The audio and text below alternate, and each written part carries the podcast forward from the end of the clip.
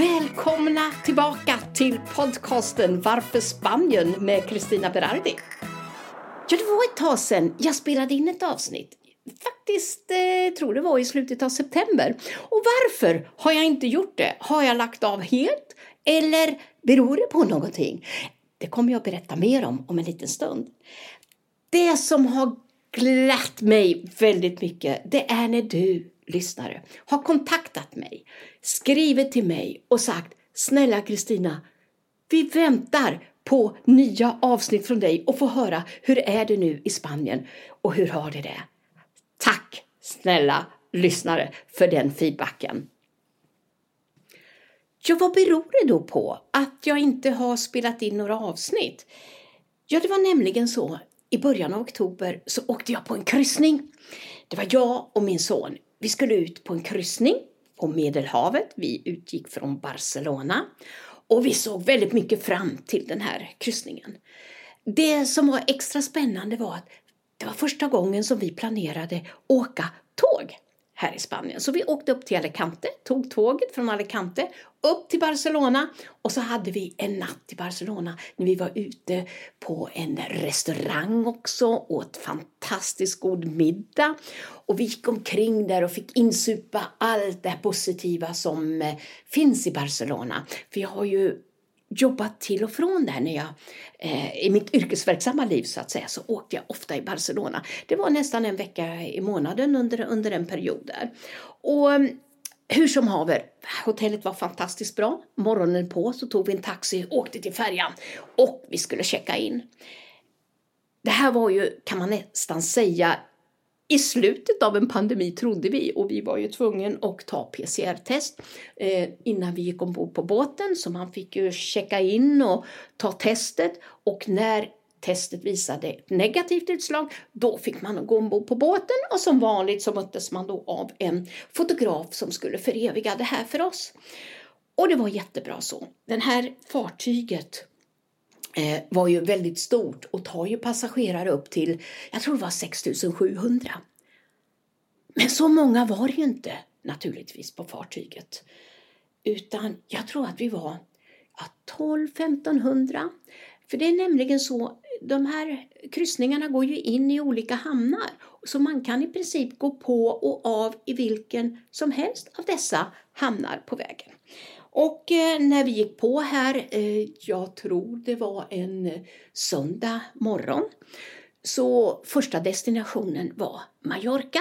Så på måndagen var vi framme där. Solen sken faktiskt och vi, då hade de en shuttlebuss så vi åkte in till La Palma och Eh, gick omkring där och shoppade och, och, tog lite tapas och fika och sånt här och hade jättetrevligt. Det var en del små mysiga affärer. Vi köpte varsina jackor och kände oss väldigt eh, upplivade av det. Och sen åkte vi tillbaka till eh, kryssningsfartyget och så gick det vidare. Andra destinationen skulle faktiskt vara i Frankrike men på grund av den här pandemin så, som vi trodde var i slutet men inte var det så fick vi inte gå i land där. Däremot skulle vi gå i land i Italien. Men även där har de ändrat reglerna. Man fick inte gå i land i Italien, sa italienska myndigheterna, om man inte var på en av deras eh, eh utflykter. Så första destinationen var då i eh, La Spezia och då tog vi en utflykt till, La, till Pisa och skulle titta på det lutande tornet. Där har jag ju varit förut och sett och det har ju min son Sebastian också gjort, men han hade glömt bort det. Och jag måste säga, det var så häftigt. För det första när vi åker där och så pratar de om eh, limoncello. Det vet ni väl att det görs i Italien och det kan man göra var som helst bara man har citroner. Men det jag inte visste det var att de gör den här limoncello i Pisa och på vissa andra platser eh, med speciella citroner som är väldigt stora med tjocka skal och väldigt söta. Eh, så det var vad vi fick lära oss på vägen till Pisa. Och när vi kom fram till Pisa och gick av bussen så fick vi inte avvika från vår guide. Men vi gick omkring där och tittade på byggnader och han berättade väldigt spännande och inspirerande om de här olika byggnaderna. Och sen så fick vi gå till ett fik och där tog jag en cappuccino och då var klockan kanske 11, halv 12 och ni vet Italien, cappuccino dricks bara till frukosten. Men de var ju vana vid såna här konstiga turister som vi var då som kan dricka cappuccino till och med mitt på dagen eller på eftermiddagen om så är fallet. Och hur som haver, och så kom vi till eh, lutade tornet igen. Och då sa den här guiden, här förstår ni ska ni inte ta kort. Jag ska visa er världens bästa vinkel för att ta kort. Och då gick vi dit och så tog han kortet där och det var så häftigt, det var så roligt. Och det som var också väldigt spännande, det var att bara några dagar före så var det en bekant från Sverige som hade varit på precis samma plats. Det är ju lustigt alltså. Ja.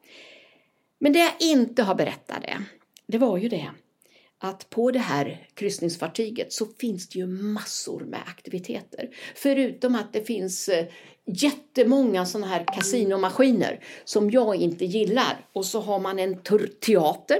Så eftermiddagen så går man lite grann på någon strandpromenader här på kryssningsfartyget och sen avslutar man kvällen med att gå på eh, teatern och eh, se något dans och sångnummer eller någonting väldigt roligt och spännande.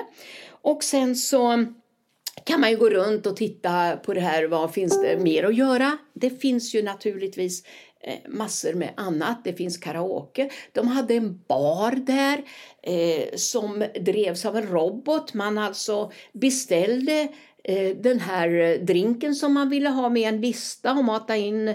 Man får ju ett, ett speciellt kort när man är på fartyget som man beställer med kortet och den här datorn uh, går ju vidare till roboten och ger instruktioner att nu ska Kristina Berardi ha den här drinken och så kommer drinken. Det var ju jättekul faktiskt.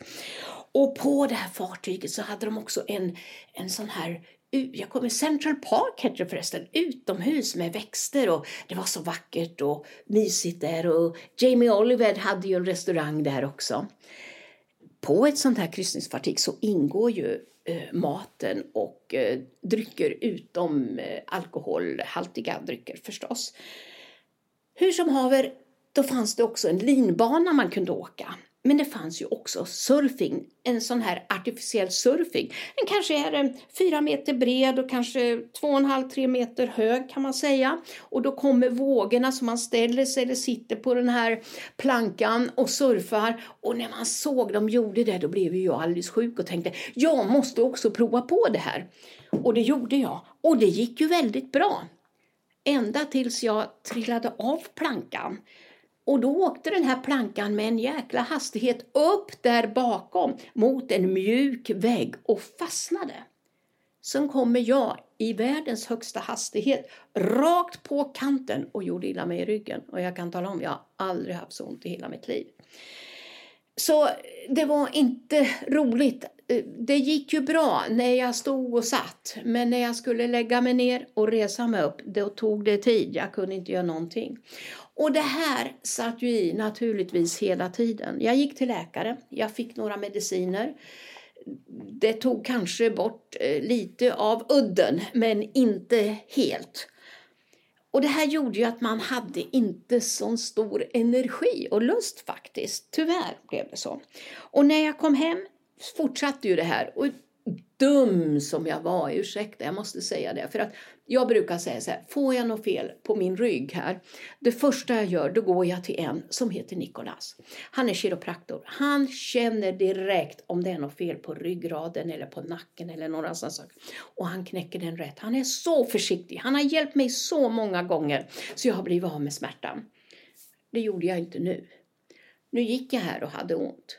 Till slut tänkte jag så här, jag måste gå till Enrique, en annan som har hjälpt mig väldigt mycket. Han är osteopat. Och jag sa så här, det känns som mina organ har bytt plats här inne för det gör så ont, odefinierat ont någonstans här. Och då går jag till honom. Och vad gör han då? Han löser upp det här och det värsta av den här smärtan försvinner. Men sen var jag ju faktiskt tvungen att gå till Nikolas för jag kände det, nu är det ryggraden. Och då hjälpte han mig med det. Och då kände jag så här, de här två har ju hjälpt mig ur den här smärtan. Jag behöver inte ta tabletter för jag hatar att ta tabletter. Och den tredje som har blivit också viktig, som har varit viktig här under, vad är det, ett och ett halvt år kanske det är nu. Det är ju David, det är ju min personal trainer. Jag har ju gått hos honom två gånger i veckan utom när jag var dålig. Och när jag kom hem här, jag tror det var 10 eh, oktober, kunde jag inte gå för jag hade så ont så jag väntade i några veckor. Men den, alltså den träningen har också hjälpt mig så jag orkar stå rak och jag har byggt upp min, eh, mina muskler, min energi, min styrka nu.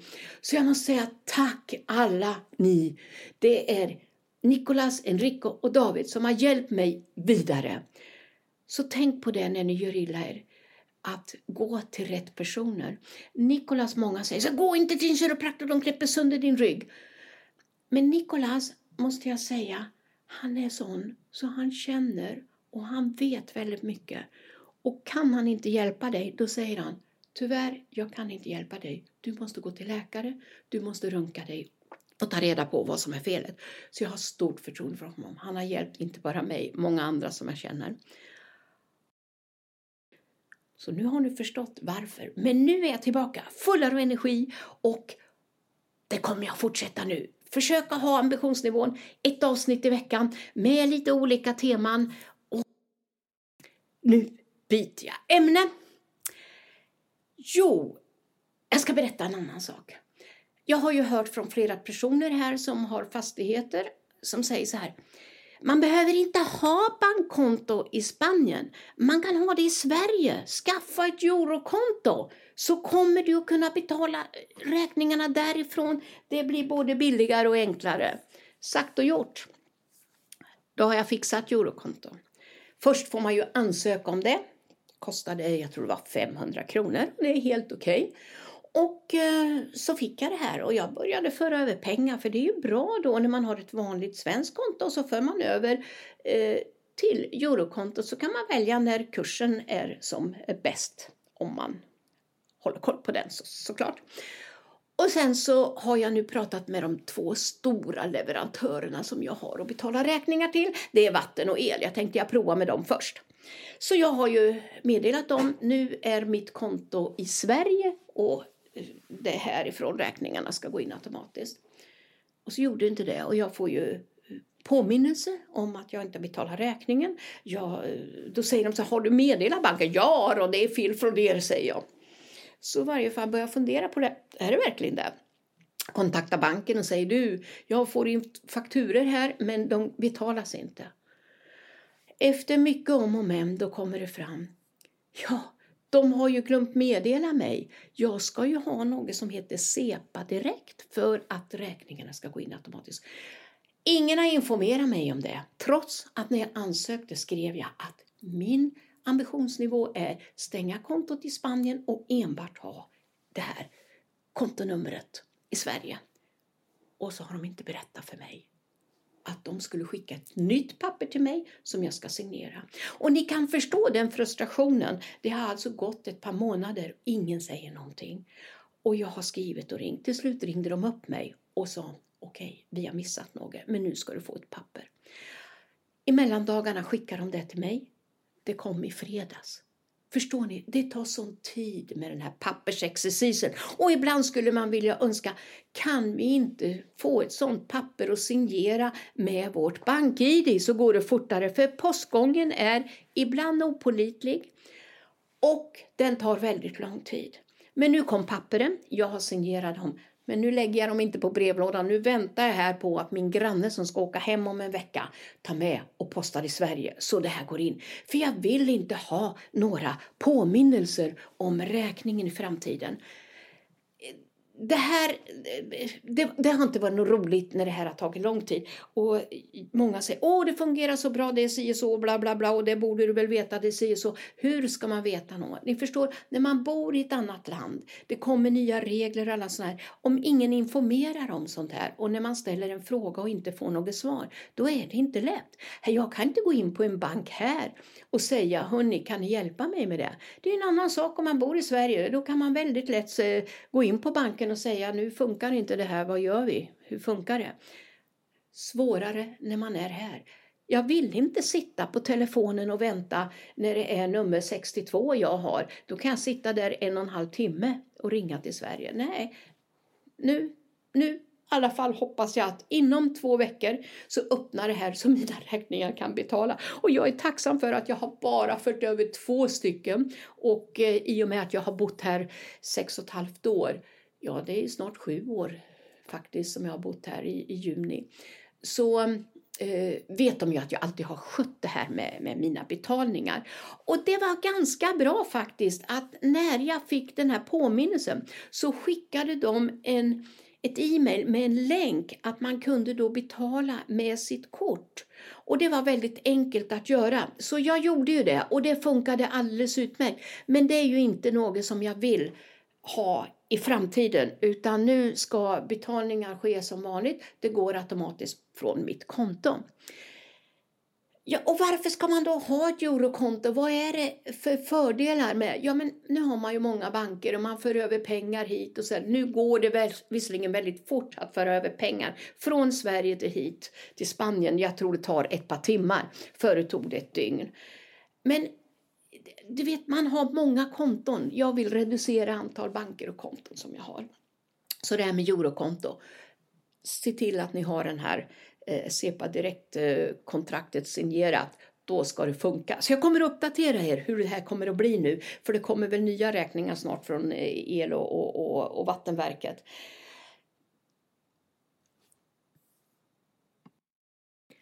Men hur är det nu då i Spanien?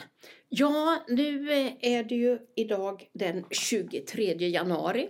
Jag kan väl säga att sista veckan har varit, sista en, en och en halv vecka har varit lite kylig. Du vet när man vaknar på morgonen och det är 5-6 grader och eh, vid 11-tiden är det 11 grader, då tycker man att det är rysligt kallt. Som tur är så har vi inte haft några vindar, utan var nästan vindstilla och när solen skiner på dagen då har det ju faktiskt varit juligt. Jag brukar ju säga det att då brukar jag kunna sola här ute. Eh, men det har jag inte haft tid till nu. Men igår så började det regna. Det var, mm, alltså ni vet sån här grå himmel som var. Eh, och då kändes det lite trist och tråkigt. Och så läste vi om idag att det hade regnat mest i Torrevieja i hela Spanien igår. Eh, men det var klart, det var ju nästan bara här som det regnade.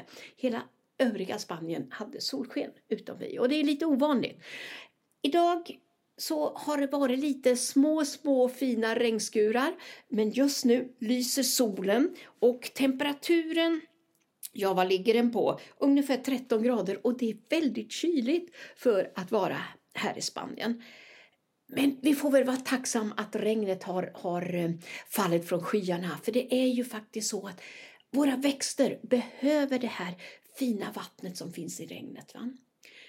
Vi har ju också haft eh, säsong för apelsiner, mandariner. Du vet, det är ju nu som det växer som mest och de är som godast. De är så enormt söta de här apelsinerna. Så det blir apelsinjuice varje dag som frukost. Och nu kära vänner så avslutar jag denna podcast för denna vecka vi hörs igen nästa vecka igen. Hej då!